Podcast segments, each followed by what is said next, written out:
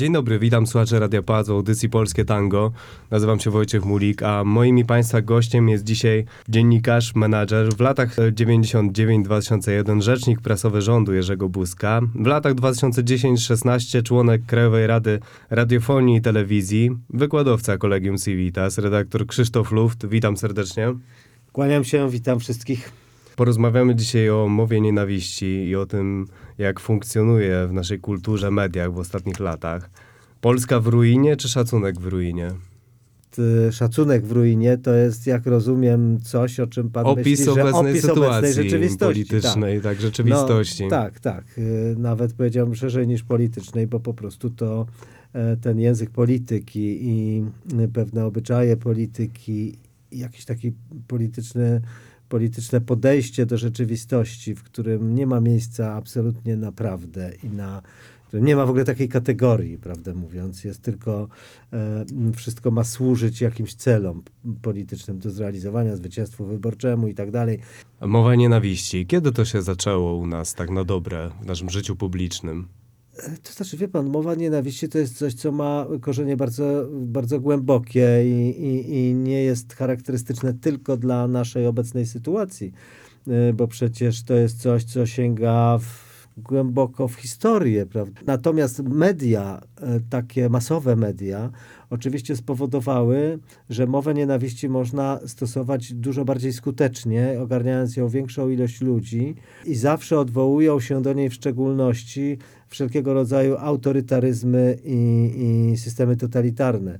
Mowa nienawiści była przecież no, bardzo, e, bardzo mocno rozwinięta przez faszyzm. No, na czym to polegało? Na takim stygmatyzowaniu rozma rozmaitych grup, kwalifikowaniu ludzi do nich należących, no, w jakiś taki e, nienawistny sposób e, ocenianie ich e, właśnie przez pryzmat należności do tej grupy, które czasem zresztą jest ta przynależność niezależna, prawda? No jeżeli mówimy o LGBT, no to, to jest prawda niezależne. No, są ludzie, którzy mają takie, a nie inne preferencje, prawda, seksualne i Albo, albo kwestia na przykład przynależności narodowej, prawda, etnicznej, no to to są rzeczy zupełnie niezależne. Jeżeli, e, jeżeli mowa nienawiści była stosowana w okresie faszyzmu przez hitlerowców w stosunku do Żydów, no to właśnie na takiej zasadzie, prawda, nikt, żaden Żyd, nie, nie, od niego nie zależało, czy on jest Żydem. To mogło co najwyżej zależeć od Goebbelsa, który twierdził, że kto jest Żydem, to decyduje ja. No ale w każdym razie, żeby przypomnieć e, pewne e, rzeczy, które z tamtego czasu, taka dehumanizacja, prawda, ludzi, o których, e, które, wobec których jest ta mowa nienawiści używana, to jest na przykład to, co oni mówili Żydach, Żydzi roznoszą tyfus na przykład, no, roznoszą choroby. No i kurczę, myśmy się niestety z tym spotkali w roku 2015, kiedy tutaj dla celów politycznych użyto tego samego schematu działania. Kiedy w 2015 roku, wtedy kiedy prawda, ta wspomniana Polska w ruinie, użyto argumentów tych, e, e, e, odwołano się do takich negatywnych stereotypów i negatywnych emocji w stosunku do uchodźców. Uchodźców, tak. W dużej mierze to była kampania dotycząca uchodźców wtedy wygrana Tak, przez e, to była w ogóle najważniejsza, najważniejszy element. Tam dwa, kilka takich kłamstw się pojawiło, na których, na których e, to zwycięstwo stało. Jedno to była mowa nienawiści, druga to, jedno to była e, Polska w ruinie, zamach smoleński, gdzieś tam w tle jeszcze ciągle, no i uchodźcy rzeczywiście i zagrożenie płynące, przecież myśmy się wtedy w 2015 roku mogliśmy usłyszeć od, od e, no, szefa partii, która aspirowała do władzy, że uchodźcy nam przyniosą tutaj zarazki, na które są oni odporni, a my nie. Polskim życiu publicznym ta mowa nienawiści ożyła pełną mocą od momentu zamachu smoleńskiego? No w dużym stopniu, tak, no bo to był moment, w którym, w którym ktoś się zdecydował na to, żeby stwierdzić, że władze naszego kraju zamordowały prezydenta, prawda? Premier i prezydent późniejszy, Bronisław Komorowski, zostali oskarżeni o to, no i, i w ogóle cała klasa polityczna, później to przecież było wykrzyczane w Sejmie, pamiętamy o zdradzieckich mordach, które zamordowały brata. Tego typu, e, tego rodzaju oskarżenie to jest e, coś, co się jednak przedtem nie zdarzało. I Wspominał pan redaktor o faszyzmie. Może brutalizacja języka publicznego od zamachu smoleńskiego była już zapowiedzią rządów PiS. Jeżeli debata publiczna staje się bardziej autorytarna, to może za każdym razem jest to delikatna zapowiedź rządów bardziej autorytarnych. No, język nienawiści, taka mowa nienawiści i, i takie osadzenie się na, na kłamstwie właśnie budzącym e, negatywne emocje w stosunku do, mm, do innych. Tak, to się niewątpliwie zawsze wiąże z tego typu systemami, chociaż no, generalnie rzecz biorąc, niestety w dzisiejszej polityce takiej, e, gdzie, gdzie jest niestety dużo populizmu, w ogóle wszędzie na świecie, prawda? Dużo populizmu, dużo odwołania się do, do tych nowoczesnych mediów, w których e, bardzo trudno jest o jakąś tam sprawdzalność rzeczywiście i autorytatywne e, rozstrzyganie tego, co jest prawdą, a co nie jest prawdą że jesteśmy w okresie postprawdy tak zwanej, e, no to się oczywiście dzieje, to się zdarza. Natomiast niewątpliwie jest to związane z takimi ciągotami autorytarnymi. Jakie przykłady z życia mm, politycznego, publicznego, mowy nienawiści najbardziej wstrząsnęły w no Polsce? to, to, to jednak jest Smoleńsk. Smoleńsk? Absolutnie, uważam, że Mhm. tak. To znaczy, krótko mówiąc, e, słyszę ten, ten, ten cały czas ten, ten wrzask, prawda, o, tym, o tych mordercach, którzy mieli zamordować e, prezydenta. E, Ja wtedy zresztą byłem bliskim współpracownikiem prezydenta, wówczas jeszcze marszałka Komorowskiego.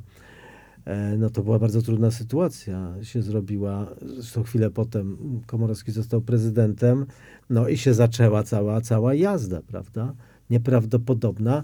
To było ewidentnie wykorzystanie tego, tej tragedii i jakichś emocji, które mogły się z nią wiązać, do tego, żeby budow- budować kapitał polityczny. No to jest rzecz absolutnie y, karygodna. Za to za to płacimy niestety my wszyscy, to znaczy płacimy to potwornym podziałem, który się e, tutaj ukształtował w Polsce, który powoduje, że rzeczywiście dwa różne światy są, które mają zupełnie inne widzenie rzeczywistości.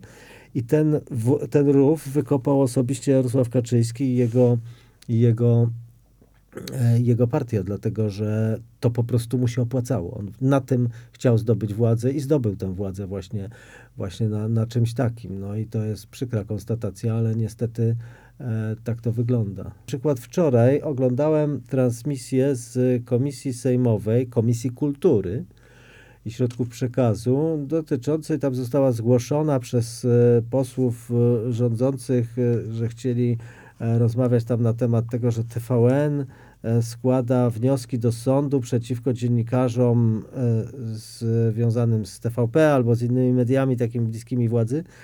E, No i że ich to, że tak powiem, w związku z tym e, e, to jest jakaś, e, mm, jakieś gnębienie tych dziennikarzy przez stację TVN. To nie jest takie istotne. Byli tam, było tam kilka osób, e, w każdym razie tych kilku dziennikarzy. W pewnym momencie mm, redaktor naczelny Gazety Polskiej zaczął do mikrofonu wrzeszczeć, wyzywać posłów od chamów, niewychowanych, pacjentów psychiatrycznych.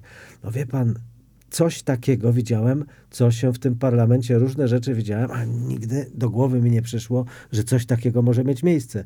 Wie pan, stanął stanęły mi przed oczami obrazy tych trampowców, którzy weszli do kongresu. No. Czyli tak, strajki kobiet, nauczyciele, strajki le- lekarzy, sędziowie, farmatroli. Mieliśmy udowodniony przypadek Farmatroli hejtu. w Ministerstwie Tak, w Sprawiedliwości. Ministerstwie Sprawiedliwości. I tak naprawdę trochę to zostało zapomniane. Wie pan, to... Uważa pan redaktor, że to może być kiedyś rozliczone? No bo to jest... To jest e, bardzo trudne do rozliczenia, bo Mhm. to są takie rzeczy, no oczywiście rozliczenie jakieś tam polityczne myślę, że nastąpi. E, Jeżeli obecna władza przegra wybory, w co mm, to tak się, to, to jakoś tam się tak będzie działo, ale to będzie bardzo trudno to wszystko rozliczyć, bo to są w dodatku rzeczy, które uważam, że są absolutnie zbrodnicze, ale bardzo trudne do, do, do takiego penalizacji, no bo em, jeżeli się rozbudza w ludziach negatywne emocje, no to jak to, jak to, jak to, tak powiem, kodeksowo rozwiązać? Tego nie ma, a to potem, no wie pan, zginął prezydent Gdańska, prawda? E, No nikt za to nie odpowie w sposób taki bezpośredni, za to, że ten jakiś trochę mało, człowiek mało zrównoważony, no ale jednak nie psychicznie chory, e, doszedł do takiego stanu, prawda, ducha, w którym wyciągnął nóż i chciał zabić e, prezydenta Gdańska. Gdzieś ktoś za to odpowiada, ale nie w taki sposób, który można będzie, prawda, przed sądem e, wykazać. Natomiast tutaj pan wspomniał o tych takich różnych grupach społecznych, które były przedmiotem ataków. No, niestety ataków prowadzonych przez media publiczne. I to były, pierwszą zresztą grupą była grupa działaczy organizacji pozarządowych. To było jeszcze w roku 16. Ja pamiętam wtedy w pewnym momencie zaczął gwałtownie protestować przeciwko temu wicepremier Gliński, no dlatego, że on z tego ruchu wyrósł i jego żona jest, była e, pracownikiem jednej zresztą z tych fundacji, które, czy, czy z organizacji, które tam e, były zaatakowane i bardzo był zdziwiony, jak jak e, dziennikarze w e, publicznej telewizji e, również jego pod tym kątem atakowali. Natomiast następne były grupy. Byli młodzi lekarze, których, e, z których robiono ludzi, którzy sobie e, zarabiają mnóstwo pieniędzy, prawda, wyjeżdżają na drogie wakacje. E, pamiętam, telewizja w pewnym momencie pokazała tą doktor Pikulską, która była jedną z głównych tam działaczek, że ona zdjęcia, jak ona jeździ na jakieś e, e, luksusowe e, wakacje w e, egzotycznych krajach. Tymczasem to były zdjęcia z jej e, e, misji, e, uczestniczyła w misjach humanitarnych w tychże rzeczywiście krajach. I co więcej, rok, półtora roku wcześniej telewizja polska w e, programach informacyjnych pokazywała ją i właśnie te misje w tych innych krajach. No później byli nauczyciele, byli sędziowie, właściwie są cały czas. Stworzono przecież nawet serial cały, Kasta się nazywa. No te nagonki na, na, na prawda, polityków opozycji, to jest coś, co tutaj nasi słuchacze, studenci pamiętać nie mogą, ale ja pamiętam z czasów stanu wojennego. To jest rzeczywiście coś, e, taki poziom nie tylko zakłamania, ale i takiego szczególnego wykorzystywania środków masowego przekazu do takiej mowy nienawiści polegającej właśnie na szczuciu na różne grupy społeczne. Ale czy w mediach w tamtym czasie, w czasie z, za komuny, mówiono o opozycji tak dużo jak w obecnych mediach publicznych? Czy pan, jednak e, były programy czasem- pozbawione? W okresie stanu wojennego to W jednak... stanie wojennym tak, ale, jednak ale tak. poza, to w samej, szczucie- w samej komunie. pan, to, co się odbywa dzisiaj w samej komunie, no wcześniej w, w latach jeszcze 80., Zagierka, e, przed powstaniem Solidarności, Są to- nawet głosy, że mówiono mniej no, niż obecnie. zdecydowanie no mniej, ale, właśnie. to, no, ale to na trochę innej zasadzie, że Mhm. po prostu, wie pan, no, e, opozycja wówczas to nie była opozycja dzisiaj. Opo- do, do pokoju z, e, z napisem na drzwiach opozycja tłoku nie było. To była bardzo wąska grupa ludzi, która gdzieś w pewnym momencie erupcja tego nastąpiła w roku 80. Ale przedtem to była bardzo wąska grupa ludzi. I dzisiaj, jak słyszę te opowiadania, ile to milionów ludzi, że oni wszyscy walczyli z komuną, to jakoś sobie tego nie przypominam z tamtego czasu. E, Rzeczywiście ruch Solidarności, który powstał w 80 roku, to był ruch masowy, ale przedtem to tak nie było. I raczej ze strony tej propagandy komunistycznej to raczej było takie lekceważenie. To znaczy nie, nie, nie specjalnie było to raczej traktowane jako, że to jest jakiś absolutny taki margines, co do pewnego stopnia zresztą było jakąś tam prawdą, bo, no bo, bo powiedzmy lata 70., kiedy to się taka bardziej już zorganizowana opozycja zaczęła, to był Komitet Obrony Robotników przede wszystkim, e, no to jednak była bardzo wąska grupa, e, bardzo wąska grupa ludzi, chociaż oczywiście miała swoje jakieś tam oddziaływanie i wreszcie ta, wreszcie to przyniosło skutek w postaci roku 80. A najbardziej jaskrawy przykład mowy nienawiści. Kampania wymierzona w Donalda Tuska i Fir Deutschland. Tej znaczy sprawie. ja składałem skargi do Krajowej Rady, bo ja jestem członkiem... e, Wygląda na to, że od tego momentu się to skończyło. No nie, nie zupełnie. To znaczy to jest tak, że to się zaczęło z chwilą e, powrotu Tuska w 21 roku w e, czerwcu, jak on tutaj wrócił do Polski, prawda, po zakończeniu swojej tam pracy w Brukseli i w pewnym momencie, no jak gdyby zdecydował, że on tutaj wraca. I od tego momentu zaczął być e, e, gwałtownie atakowany w, tele, w, telewizji publicznej, między innymi tym właśnie słynnym cytatem Deutschland i paroma i zresztą innymi chodziło o to, żeby pokazywać, że on jest właściwie Niemcem. E, I e, no ja wtedy złożyłem razem z paroma jeszcze innymi członkami e, Rady Programowej, w której telewizji polskiej, w której jesteśmy, reprezentujemy tam opozycję, e, kilkakrotnie zwracaliśmy na to uwagę, po prostu składaliśmy skargi na naruszenie ustawy. E, I Krajowa Rada e, przyznała, mi, przyznała nam rację kilkakrotnie tej sprawie, właśnie w sprawie Fildeutschland. No, no, tam nie było sankcji niestety żadnych. Krajowa Rada dzisiaj nie ma takiej, takich e, władczych możliwości w stosunku do mediów publicznych, jak to kiedyś było. E, jest sprowadzona do pewnej fikcji. No i e, no, natomiast e, niewątpliwie tam w stronę telewizji polskiej szły takie jak gdyby upomnienia, o tak można by to powiedzieć. W pewnym momencie troszkę, troszkę się zmniejszyło tego, potem znowu powróciło, ale myślę to, że ostatecznie dzisiaj zdaje się, że tego jest mniej. To jest wynik raczej jakichś e, decyzji politycznych, które troszkę inaczej tutaj dzisiaj raczej Tuska się oskarża o związki z Rosją niż z Niemcami. O, to tego typu przeniesienia No właśnie, tak. Natomiast cała ta, to, w jaki sposób jest e, nagonka na e, akurat Donalda Tuska, to naprawdę zdecydowanie przypomina to, co komuniści w stanie wojennym robili z Lechem Wałęsą w e, dzienniku telewizyjnym. 1773 razy negatywnie wypowiadano się w telewizji publicznej o prezydencie Pawle Adamowiczu przed zamachem na niego. Sprawa prezydenta Adamowicza, jaka jest pana opinia w tej sprawie? TVP odpowiada częściowo za tą śmierć? No tak, tylko że to jest odpowiedzialność, która nie jest odpowiedzialnością taką o charakterze formalnym, prawda? Nikt tego, nikt tego nie będzie w stanie nigdy, prawda? Nikt na to rzeczywiście tak prawnie, formalnie nie odpowie. Tak jak nikt nie odpowiedział za, za, za morderstwo prezydenta Narutowicza. No w każdym razie, mm, e, w każdym razie prezydent Narut, pierwszy prezydent Polski tej drugiej odrodzonej II Rzeczpospolitej został zamordowany też przez takiego trochę, e, trochę niezrównoważonego artystę, e, co nastąpiło w momencie, kiedy, e, kiedy właśnie wobec niego została wszczęta nieprawdopodobna histeria, nagonka taka ze strony prawicowej prasy, czy w ogóle prawicowy, ze strony prawicy, uruchamiająca właśnie najgorsze, najgorsze takie emocje, z antysemityzmem włącznie również który zwłaszcza wtedy przed wojną przecież był bardzo silnym e, takim e, sposobem działania. I, no i został zamordowany. No, Eligiusz Niewiadomski, który go zamordował, oczywiście e, no, było wiadomo, że, to, że on jest za to odpowiedzialny, natomiast ci, którzy, którzy jak gdyby nakręcili tę całą spiralę nienawiści, w wyniku której on ten, ten on chyba pistoletem użył broni palnej, chyba tak. E, No w każdym razie, że się na to, że tak powiem, e, na życie prezydenta targnął, no, e, no to z czegoś wynikało. No, oczywiście, że z czegoś wynikało, ale no tutaj się nie da kogoś formalnie oskarżyć. A czy istnieje jakieś zagrożenie, że kolejne władze, korzystanie przez nie z telewizji publicznej, mediów publicznych, czy jest jakaś pokusa przed nową władzą, żeby częściowo korzystać z nich podobnie do obecnej?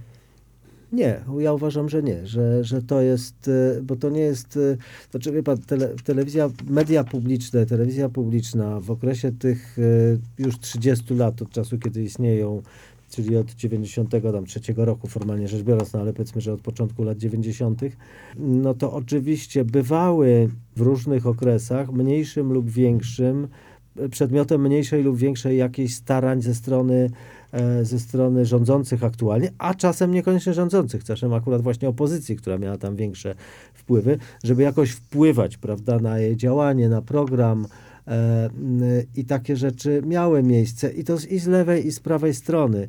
Natomiast e, wszystko jest stopniowalne, wie pan, tego typu oskarżenia pojawiają się nawet w Anglii, Wielkiej Brytanii, gdzie jest BBC, która jest stawiana za wzór, u nas również, takiej niezależności, prawda? A jednak tam od czasu do czasu e, jest jakaś dyskusja, że władze wykorzystują swoje możliwości starają się wpływać coś tam na to BBC i jakieś tam swoje e, interesy na tym robić.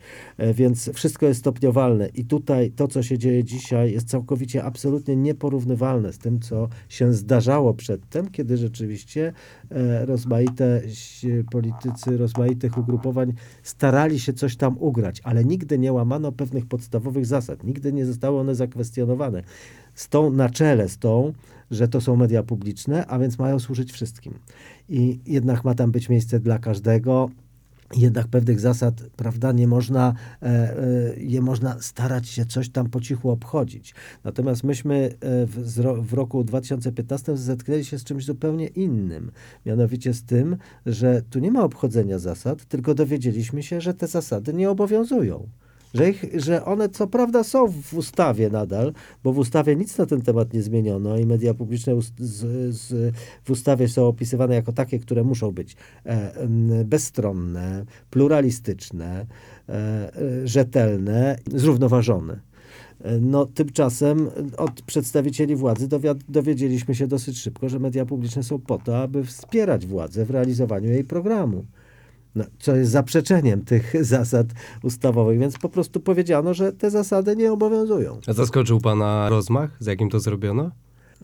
No tak, jednak tak, dlatego że myśmy już mieli doświadczenie z tym, kiedy te same siły polityczne dominowały w mediach publicznych po zwycięstwie Prawa i Sprawiedliwości w roku 2005.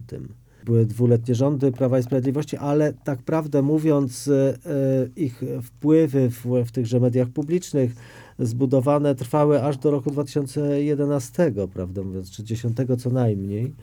No i oczywiście to, to, to jest właśnie ten przykład, o którym mówiłem, kiedy politycy starali się wykorzystywać te media do swoich celów. Ale to było coś jednak zupełnie innego niż to, co się stało później, kiedy zrobiono z tego e, regularną, ordynarną taką tubę propagandową. To jest właśnie to, jest właśnie to o czym mówię. Przedtem starano się jakoś tak obchodzić, omijać różne te podstawowe zasady. Natomiast tutaj przyszli goście, którzy wprost powiedzieli, wie pan, ja uczestniczyłem kiedyś w takim właśnie w grudniu 15 roku, w takim posiedzeniu y, Senatu, gdzie reprezentowałem Krajową Radę Radiofonii i Telewizji w debacie nad e, zmianą ustawy, która sprowadzała się tylko do tego, że e, e, wszystkie władze spółek mediów publicznych, Polskiego Radia, telewizji zostaną odwołane, a nowe powoła minister skarbu. I ja starałem się tłumaczyć tym senatorom, no, że jednak to jest absolutne złamanie zasad, prawda, że oddanie bezpośrednio takiej władzy rządowi nad, tym, nad tymi mediami, no, nigdzie na świecie tego nie ma. No, na, na co usłyszałem, że jak to, że to właśnie o to chodzi, że media te są po to, żeby władzę wspierać w realizowaniu jej programu.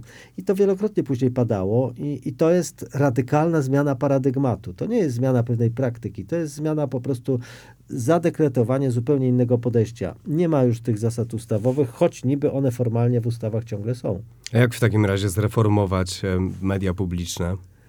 No, wie pan co, to jest bardzo trudne w obecnej sytuacji, w, w związku z tym, co się tutaj stało i w związku z em, takim bardzo głębokim brakiem zaufania do tychże mediów w bardzo znaczącej części społeczeństwa, a właściwie nawet w większości społeczeństwa, bo przecież nawet politycy PiSu gdzieś tam od czasu do czasu dawali do zrozumienia przynajmniej, albo mniej lub bardziej wprost mówili, że to, co tam jest, no to to jest, no oczywiście, no ale no my musimy tutaj, no bo mamy tam jakąś część elektoratu takiego, do którego będziemy w ten sposób przemawiać. Więc to będzie bardzo trudne. Ja mogę powiedzieć, jak chcę bronić generalnie mediów publicznych przed takimi, takimi poglądami, że w ogóle można je zlikwidować. No oczywiście, że można je zlikwidować, ale ja nie znam kraju demokratycznego, e, takiego, w którym demokracja ma się dobrze, gdzie by tych mediów publicznych nie było i gdzie nie byłyby dobrze zorganizowane, dobrze sfinansowane. Powiem więcej, tam, gdzie demokracja ma się lepiej, gdzie jest lepiej rozwinięta świadomość obywatelska, e, mm, e, czyli na przykład w krajach północy, w Europie u nas, Skandynawia, Wielka Brytania, Niemcy, Francja, to e, te media publiczne są na bardzo wysokim poziomie i te dwie rzeczy idą ze sobą jakoś w parze. I nie jest przypadkiem, że z kolei kraje południa, jak nie wiem, Włochy, Cypr, Grecja, tam z kolei te media publiczne są na znacznie, znacznie słabsze, są, nie, nie mają takiej niezależności, są silnie skomercjalizowane. I tak się składa, że demokracja też tam troszeczkę ma podgórkę, że tak powiem. Więc y, ja uważam, że to jest bardzo ważny element y, jednak systemu demokratycznego, bo media komercyjne oczywiście są bardzo fajne i, i, i bardzo dobrze, ale y, pewien standard taki można budować tylko w oparciu o finansowanie, które nie pochodzi ze środków komercyjnych.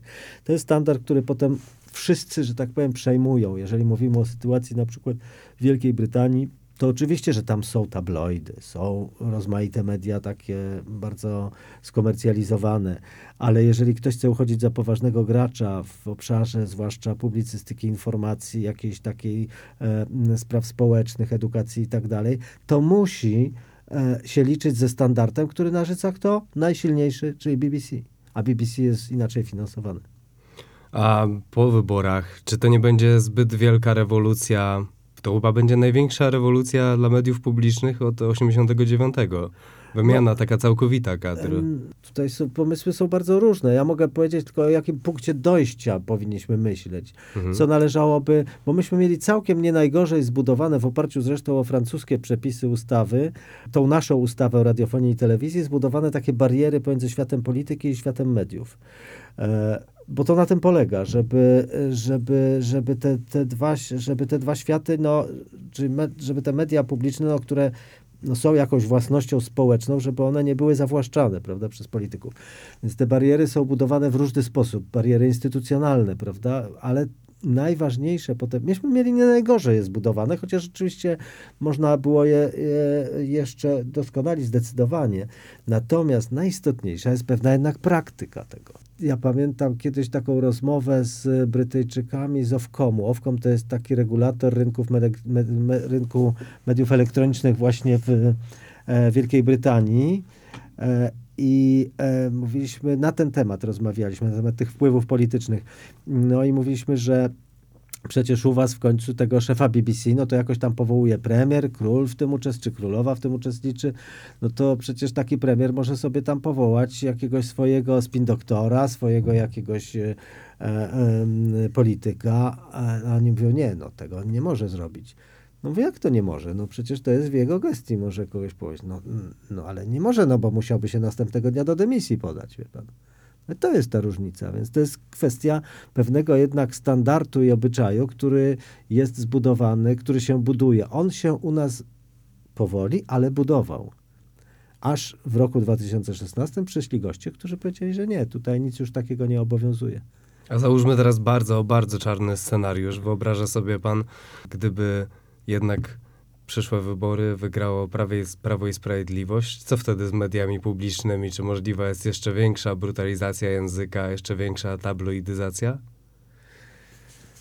Czy to już raczej nie ma był szczyt? potrzeby już. Na potrzeby tej władzy te media robią wszystko to co, to, co oni potrzebują. Właśnie poprzez taką ordynarną, wulgarną, prymitywną czasami propagandę, która jednak do jakiejś części ludzi trafia. Wie pan, niektórzy mówią, że ależ przecież to, co oni tam wyprawiają, no to przecież nikt normalny tego poważnie nie może wziąć.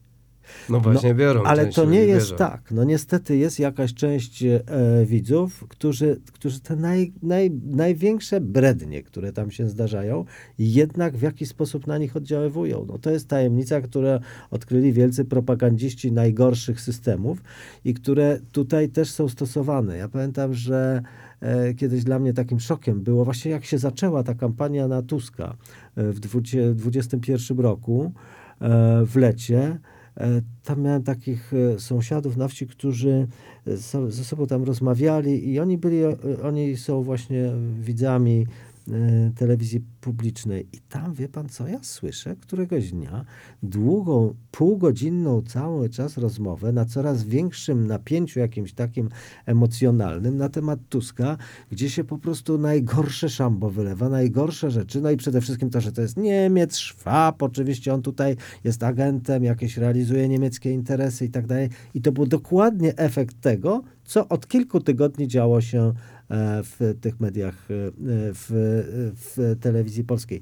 Wie pan, szokujące było, czy szokujące, no takie znamienne było również to, że ta rozmowa się zakończyła tym, że e, jeden z tych e, panów mówił do tej drugiej pani, że, pan, że wiesz, no gdybym ja tego Tuska mógł spotkać bezpośrednio, na żywo, to ja bym go zamordował.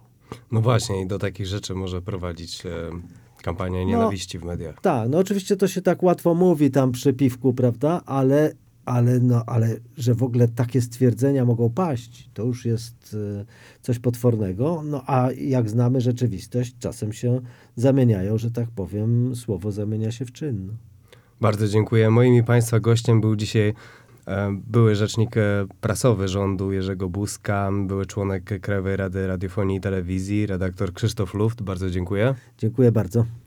A Państwo słuchali audycji Polskie Tango. Ja nazywam się Wojciech Mulik. Dziękuję za uwagę i do usłyszenia.